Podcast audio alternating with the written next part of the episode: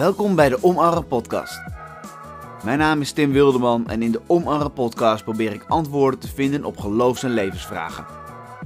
Met deze podcast probeer ik vragen die we nu hebben te verbinden met wat er in de Bijbel staat. En soms dan draai ik het om en probeer ik te laten zien wat we nu nog kunnen leren van een Bijbels personage of een verhaal. Binnenkort mag ik komen spreken bij een Alpha cursusavond in Leiden. De Alpha cursus is een cursus met een aantal avonden waarbij een aantal vragen worden gesteld over het christelijk geloof. En de vraag die behandeld wordt wanneer ik mag komen spreken is de vraag hoe we het kwade kunnen weerstaan. Een hele leuke vraag en een goede vraag om over na te denken. Of je nou christen bent of niet. In deze podcast wil ik op basis van twee Bijbelteksten een visie en een overtuiging laten zien over hoe we het kwade kunnen weerstaan. Volg mij ook op social media, zoals mijn Instagram, timwilderman92 en kijk op mijn website www.timwilderman.nl voor de bijbehorende blog. Lijkt het je leuk als ik een keer in jouw kerk kom spreken? Kijk dan op mijn website onder het kopje in jouw kerk. En ook ben ik beschikbaar om voor jou of met jou een podcast te maken of een blog te schrijven. Neem daarvoor contact met me op via het contactformulier op mijn website. Voor nu wens ik je heel veel plezier met luisteren naar de Omarm podcast.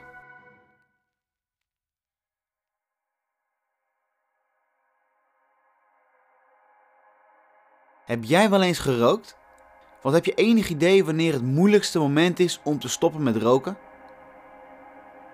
Dat is vlak nadat je hardop hebt gezegd dat je wil gaan stoppen met roken. Mensen gaan op je letten en kijken of je nog gestopt bent.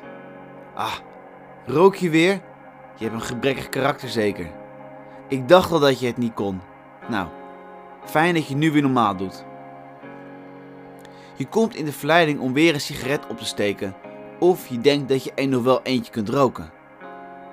Dat verhaal vertelde ik een keer aan een vriendin op een christelijke conferentie.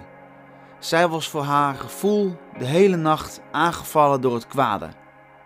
En het kwade kun je zien als Satan, de duivel, de tegenstander, hoe je het noemen wil. Ze had namelijk de avond ervoor een getuigenis gegeven voor een volle zaal en daarbij gezegd dat ze volledig voor Jezus wilde gaan. Toen ik haar dit voorbeeld gaf, werd het voor haar een stuk duidelijker dat zodra je voor de Heer gekozen hebt en de Heer wil gaan dienen, je op de radar komt van de tegenstander.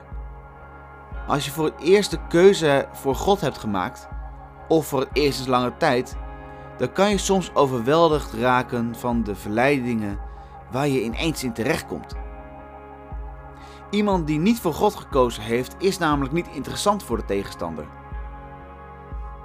Het valt mij ook op dat als er iets fout of zondigs gebeurt in de kerk, dan wordt het veel meer uitvergroot dan wanneer het bij een willekeurige vereniging gebeurt.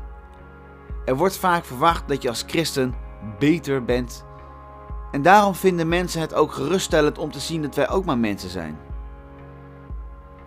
In deze podcast wil ik jullie iets vertellen over hoe de tegenstander te werk gaat en hoe we het kwade kunnen weerstaan. Allereerst is het goed om de duivel niet te ontkennen. De duivel bestaat, dus hou daar rekening mee. Maar heb er niet een overmatige of ongezonde belangstelling voor, want in beide gevallen ben je dan extra vatbaar voor de tegenstander. Nu dat is gezegd, is het goed om te kijken naar hoe de duivel te werk gaat. Heb je enig idee wanneer de duivel voor het eerst in de Bijbel genoemd wordt? Dat is in Genesis 3, dus het derde hoofdstuk van de Bijbel. God heeft net de aarde geschapen en Adam en Eva lopen rond in het paradijs. En dan staat er dit. Van alle in het wild levende dieren die de Heere God gemaakt had, was de slang het sluwst. De dier vroeg aan de vrouw: Heeft God werkelijk gezegd dat jullie van geen enkele boom in de tuin mogen eten? Al dus Genesis 3, vers 1. Dat klopt niet. Dat is een leugen van de duivel. De duivel schept twijfel. Ja, klopt dit wel? Heeft God dat echt gezegd? In Genesis 2, vers 16 en 17 vertelt God dat Adam en Eva van alle bomen mogen eten, op één na. En dat is de boom van de kennis van goed en kwaad. Daar mogen ze niet van eten. En dat zegt Eva dus ook. We mogen van de vruchten van alle bomen eten, antwoordde de vrouw, behalve van die boom in het midden van de tuin. God heeft ons verboden van de vruchten van die boom te eten, of zelfs maar aan te raken. Doen we dat toch, dan zullen we sterven. Aldus Genesis 3, vers 2. Ja, Satan schenkt helemaal geen aandacht aan het vele wat wel mag, maar Satan legt de focus op dat ene wat niet mag, om die vervolgens uit te vergroten, te ontkennen en verleiding te scheppen. Terwijl in 1 Timotheus 6, vers 15 tot 17 staat dat Jezus ons wil redden en ons wil hebben om een voorbeeld te zijn voor andere mensen. In deze roeping mogen we genieten van wat God ons allemaal wil geven. In het paradijs staan honderden, misschien wel miljoenen bomen en planten, met vruchten waar ze van mogen eten. Toch legt de tegenstander de nadruk op die ene boom. Wat de tegenstander nu doet, is niets zeggen over het voorrecht van een relatie met God, hoe we in liefde groeien in relaties met elkaar, over hoe het geloof ons zegeningen biedt, dat we de liefde van God mogen uitdelen aan anderen en dat we mogen genieten van alles wat God voor ons gemaakt heeft. De tegenstander is dat stemmetje in ons hoofd dat zegt wat we allemaal niet mogen, maar ook de stem van anderen. Als ik in mijn studentensociëteit stond, werd er heel vaak aan mij gevraagd of ik als christen wel mag drinken. En dan somden ze op wat ik allemaal niet mocht doen vanwege mijn geloof. Allemaal hun overtuigingen. Aan de andere kant probeert de tegenstander ook te dat er een straf is. Door te zeggen dat je best nog wel een biertje kunt drinken, nog even een stapje verder kunt gaan en dat je echt niet doodgaat aan die ene sigaret. Dat je best nog wel een grapje kunt maken tegen iemand over hoe hij erbij loopt. Dat je best iets kunt zeggen over het lichaam van een vrouw. En tegen Eva zegt de tegenstander het volgende: Jullie zullen helemaal niet sterven, zei de slang. Integendeel, God weet dat jullie de ogen open zullen gaan zodra je ervan eet. En dat jullie dan als God zullen worden en de kennis zullen hebben tussen goed en kwaad. Al dus Genesis 3, vers 4 en 5. Waarop Eva een hap van de vrucht neemt en die samen met Adam deelt. De tegenstander zegt dat het geen kwaad kan als je God ongehoorzaam bent. Eigenlijk wil de tegenstander laten zien dat God een grote spelbederver is. God heeft volgens de tegenstander niet het beste met ons voor. En we zullen de boot missen als we doen wat God tegen ons zegt. Terwijl we juist als we niet doen wat God ons zegt, we de boot zullen missen. Want dan gaat alles wat God ons heeft voorbestemd aan ons voorbij. Hoe? Dat zal ik je laten zien. Want in Genesis 3, vers 7 en 8 staat het volgende. Toen gingen hun beiden de ogen open en merkten ze dat ze naakt waren. Daarom regen ze vijgenbladeren aan elkaar en maakten er lederschotten van. Toen de mens en zijn vrouw de Heer God in de koelte van de avondwind door de tuin hoorden wandelen, verborgen zij zich voor hem tussen de bomen. Adam en Eva wandelden samen met God door het paradijs. Het was een plek van liefde, vriendschap en eenheid. Door de zondeval werd er twijfel, angst, schaamte en scheiding gecreëerd. Adam gaf de schuld aan Eva en Eva gaf de schuld aan de slang. Terwijl we allemaal zelf verantwoordelijk zijn voor onze eigen keuzes. We kunnen de omstandigheden niet veranderen. We kunnen de ander niet beïnvloeden. Maar je bent wel zelf verantwoordelijk voor wat je doet, denkt en zegt.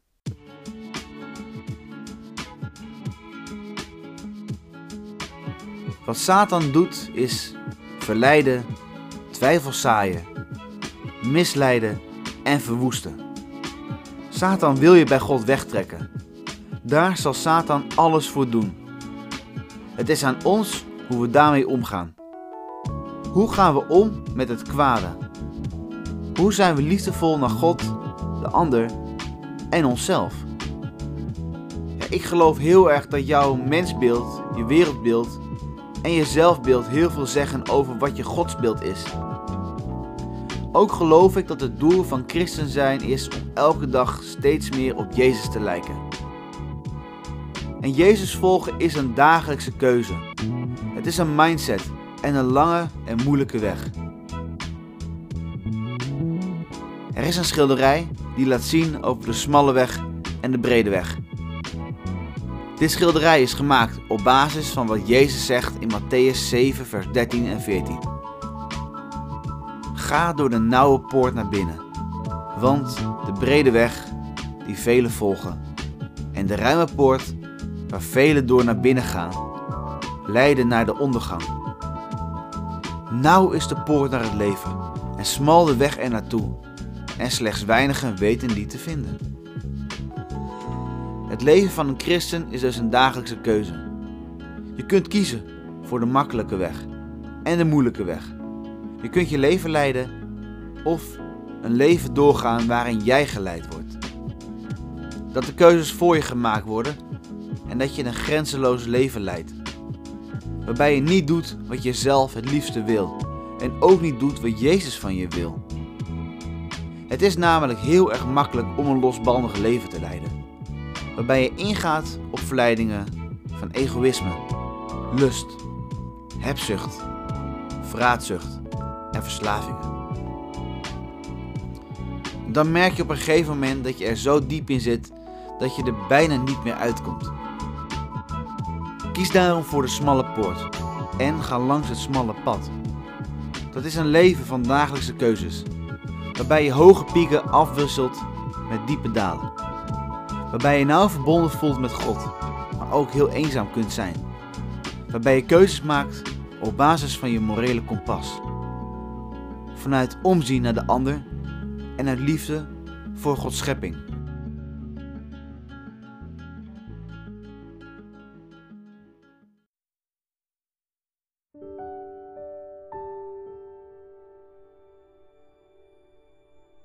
Nu zul je je vast afvragen hoe je dat zou moeten doen.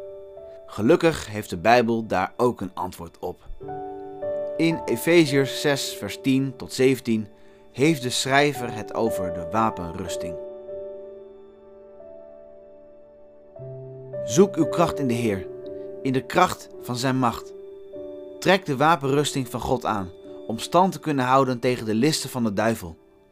Onze strijd is niet gericht tegen mensen, maar tegen hemelse vorsten, de heersers en de machthebbers van de duisternis, tegen de kwade geesten in de hemelsferen.